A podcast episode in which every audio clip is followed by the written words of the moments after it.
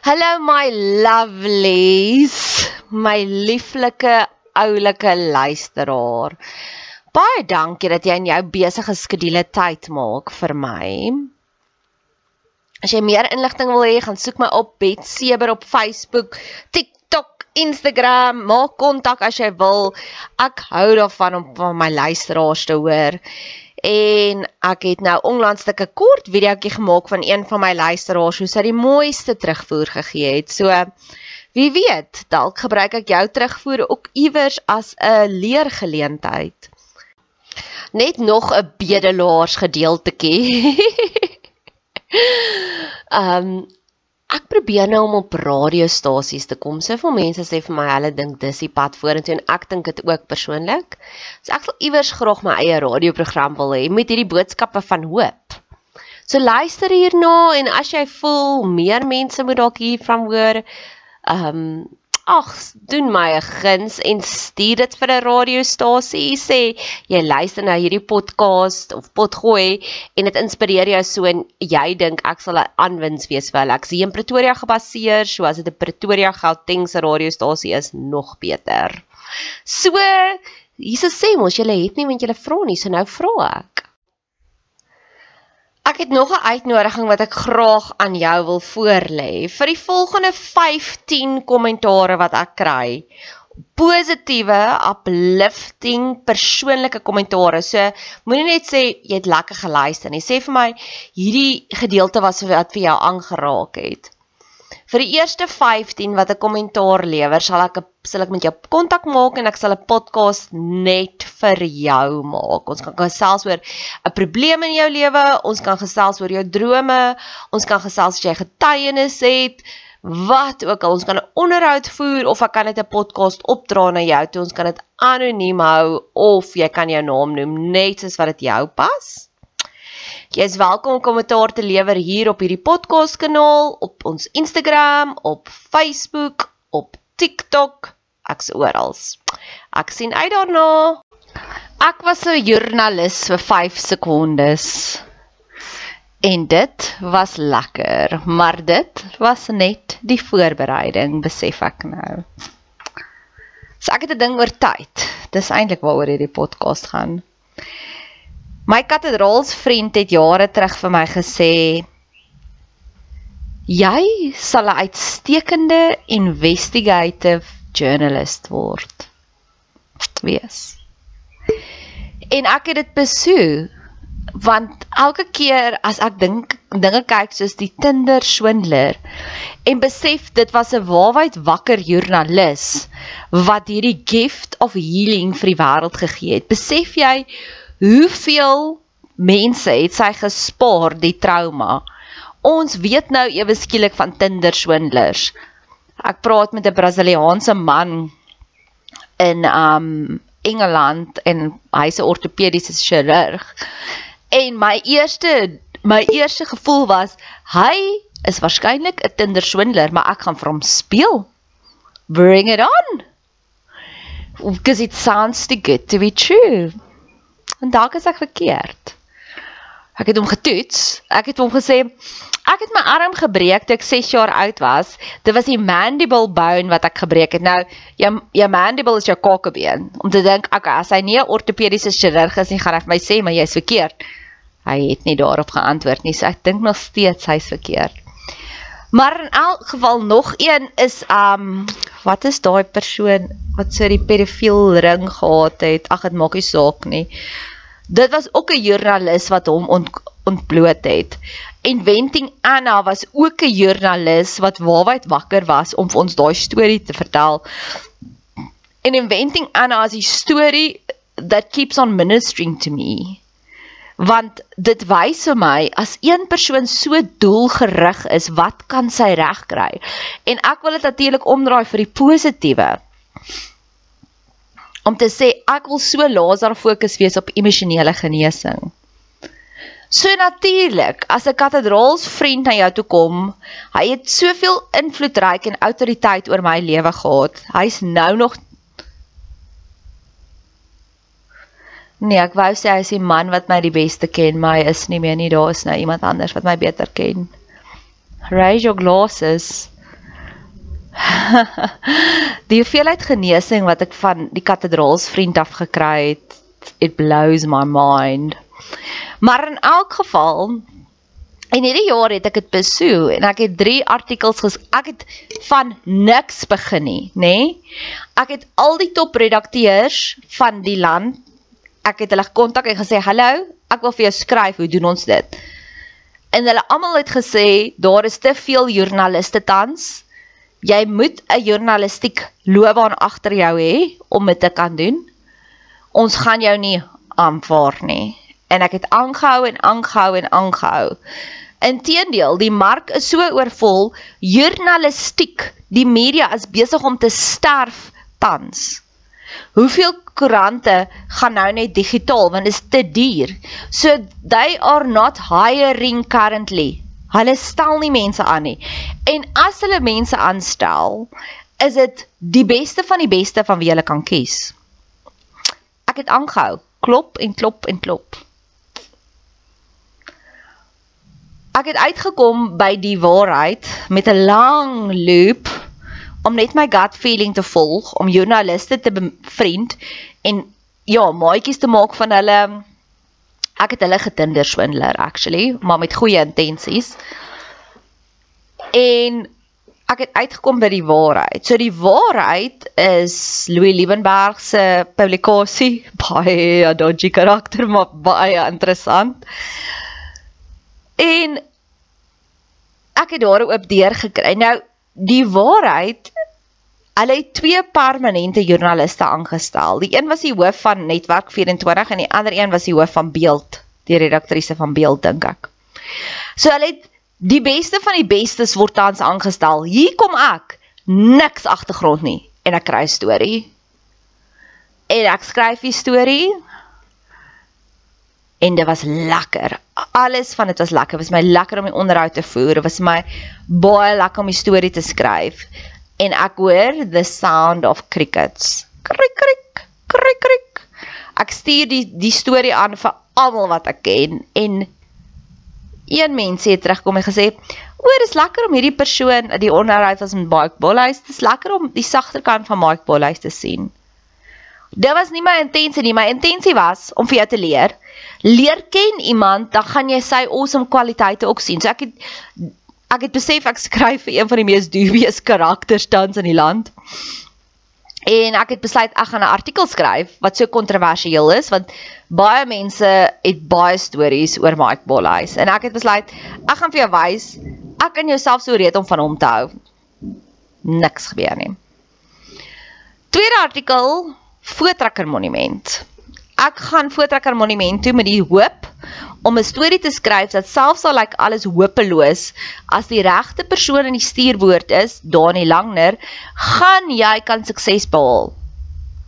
Ek het dit geloof om twee keer by die Voortrekker Monument te wees, om daar in te stap en te sê, "Hallo, ek is 'n joernalis, ek wil vir jou 'n vraag vra." Dan maak daai mense se harte oop. Dit was een van die lekkerste ondervindings.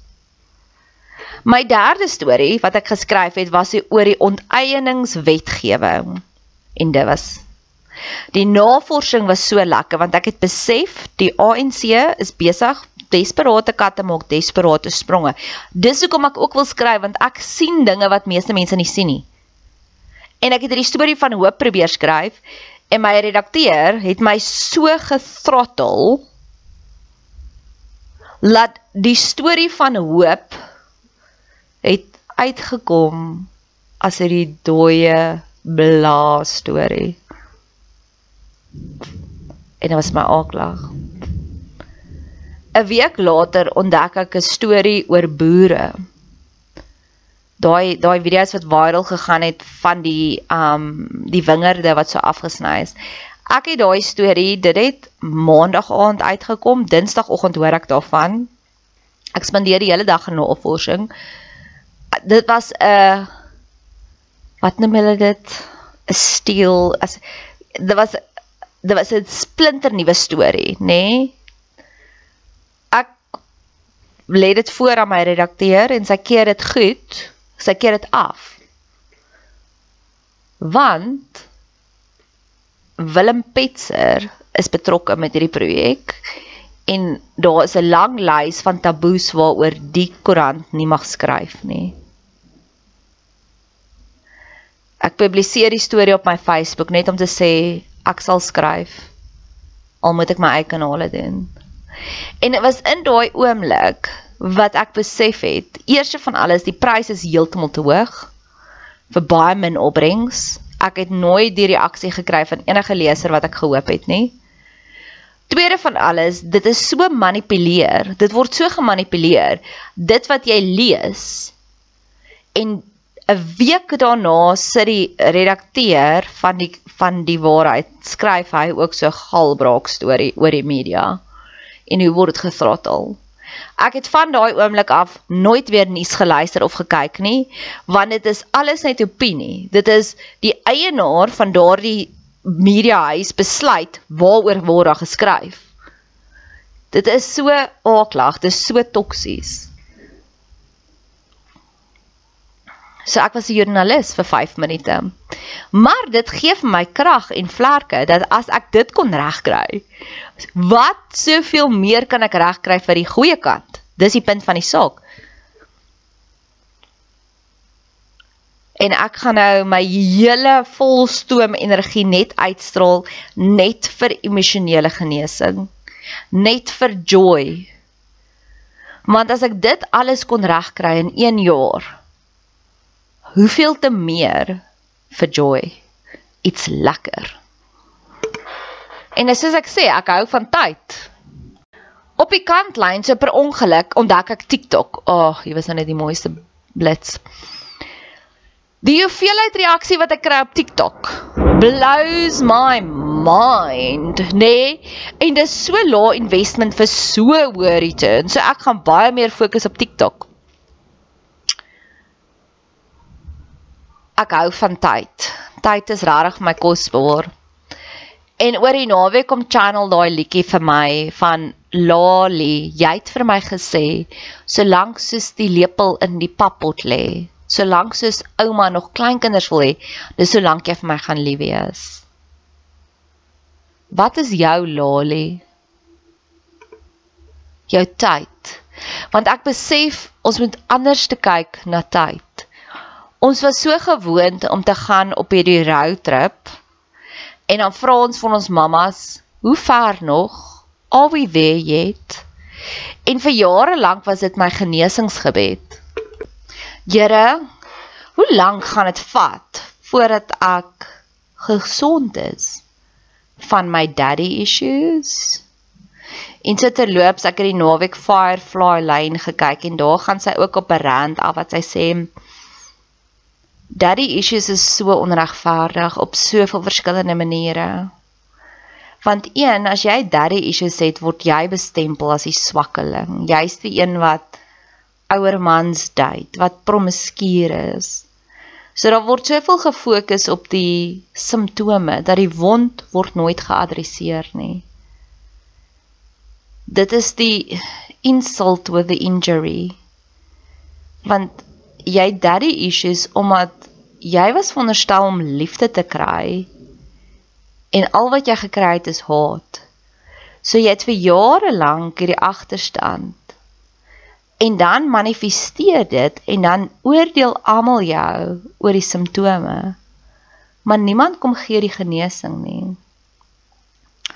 So vir jare lank het ek gebid, Here, wanneer gaan ek weet ek is gesond van my daddy issues? Are we there yet? En ek is nou daar. Ai ja, ek is nou daar. En tweede van alles het ek ook verlang gebid wanneer gaan ek oor my kathedraalsvriend wees? En nou is dit soos elke keer is dit 'n tik, 'n tik. Ek het nooit gedink soos ek het nooit gedink iemand gaan my beter leer ken as wat hy my leer ken het nie. En dis 'n jaar later. En daar is nou 'n man wat my beter ken as wat hy my ken. En dit voel so goed. En dit voel so goed om te weet ek wou 'n investigative journalist wees want hy het dit raak gesien in my. En hy's nou nie eens meer 'n cheerleader nie, so ek het niks meer om te doen nie. Maar ek wil nie meer vra are we there yet nie, want ek is klaar met trauma. Dis wat ek oor en oor en oor vir almal sê. Ek wil nou joy. solank soos die lepel in die pappot lê. Ek wil nou weet daai gaan groei. Dis nie meer 'n roadtrip na genesing toe nie. Dis 'n everlasting stasie waarop ek nou is. En hierdie liedjie het begin met 'n vriend van my wat 'n 20-jarige iemand wat 20 jaar jonger is as hy date en daar's baie resistance. En hy het vir haar gesê hy het nog emosies vir sy vorige girl. Hy het nog gevoelens vir haar. En die jong poppie was baie ongelukkig daaroor en toe sê hy vir haar, ek wil net vir jou sê as ek en jy ooit sal opbreek, gaan ek ook verlang vat om oor jou te kom. Dis wat ek vir jou sê. En dis hierdie hierdie geskenk van Lali solank soos hy die lepel in die pappot lê. Solank soos ouma nog kleinkinders wil hê. En my ouma se naam was Lali. Dis net so magical. Nou beide my oumas is daar liedjies, Lali en Minnie. En ek wil daai gift ook vir mense gee om te sê ek gaan lief bly vir jou soos Lali. Ek gaan lief bly vir jou ewigdurend. En dis wat God ook vir ons sê. Hy sê ook ewigdurende liefde. Sy liefde gaan nie warm en koud wees nie. Dit gaan altyd daar wees.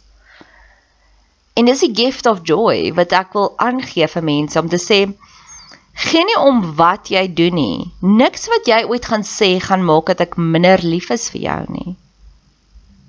My ander geestelike mentor het vir my 2 weke terug sy vir my gestuur mag jou vuur en jou vlam nooit uitblus vir God nie. En ek is is dit dit gebeur nie.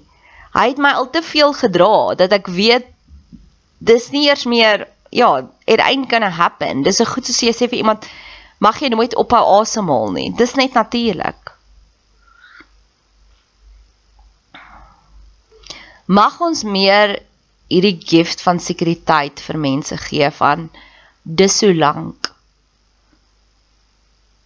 Dis so lank ek vir jou gaan lief bly. My liefde vir jou is nie 'n one night stand nie. Dis 'n ewigdurende liefde. Dit beteken nie 'n codependent liefde van ons met elke oggend mekaar 'n hallo en 'n totsiens sê nie. Nee. En dis die awakening waarin ons ook tans is. My vriendin sê vanoggend die hasie klap. Sy het alle groepies nou gelief wat net hasie prentjie blommetjies stuur elke oggend, elke aand die hasie wat daar staan en en 'n hartjie vashou en sê geniet jou dag. Daai goed doen vir my niks ook nie. Ons is honger en dors na ware opregte boodskappe. Na die boodskap wat jou lewe gaan verander om te sê ken jy daai liedjie van Loli? Solank soos die lepel in die pappot lê. Solank soos ouma nog kleinkinders wil hê. Dis solank ek vir jou gaan lief wees. Ons is klaar met all we there yet. Hoe lank nog? Ons is reeds hier. En nou wil ons hier bly, so lank soos die lepel in die pappot lê. Ek geniet tyd. Regtig baie. Tyd is magical. En God noem homself ook of Daniel noem vir God ancient of days. Nou dit beteken vir my the god of time. God is tyd. So om lief te raak vir tyd is nog 'n dimensie van hoe jy lief raak vir God. Ek het gisteroggend het ek opgestaan, ek het gejournal, toe het ek deur my ou journals gewerk. Daar was nog iets groot wat ek gedoen het. Ek kan nie nou onthou wat nie. Ag, nou blank ek uit. Maar ek kan onthou ek het 'n baie besige dag oggend gehad en toe ek weer na my oorlosie kyk, toe ek soos oh my word. Ek het nou net 2 ure gebruik. Dit het vir my gevoel ek het gedog dit is al 9 uur die oggend, dis 7 uur. Was 5 uur op. En wanneer jy mense ontmoet en jy vra vir hulle hoe was jou naweek? Lekker, dankie, net te kort. Nonsens. Dit is my teken dat jy het nie 'n geestelike lewe nie. My naweek is nooit te kort nie. My naweek is baie lank want God maak dit vir my langer. Tyd word stadiger. Dis wat Einstein gesê het. Einstein was 'n next level consciousness. Hy was baie awake. Hy het ook mos gesê jy kan nie 'n probleem oplos in dieselfde consciousness level as wat jy die probleem geskep het nie. Met ander woorde, jy moet groei en dan sal jy daai probleem kan fix. Nou min mense groei, dis kom hulle dieselfde probleme oor en oor en oor hè. Maar Einstein het ook gesê tyd is relatief. Met ander woorde, tyd is manipuleerbaar. Dit is wat dit beteken. Want hy sê as jy 2 ure saam met 'n pragtige vrou in die bed spandeer, voel dit soos 2 sekondes. As jy 2 minute moet wag vir die 2 minute noedels om te kook en jy's honger, voel daai 2 minute soos 2 ure. Tyd is manipuleerbaar. Ons is tyd se baas. Josua sê vir die son, maan en sterre staan stil, ek wil eers hierdie fight klaar fight. As jy voel jou lewe hardloop by jou verby, as jy voel jou naweek is te kort, gaan spandeer meer tyd by God. Hy sal vir jou leer hoe om dit te manipuleer.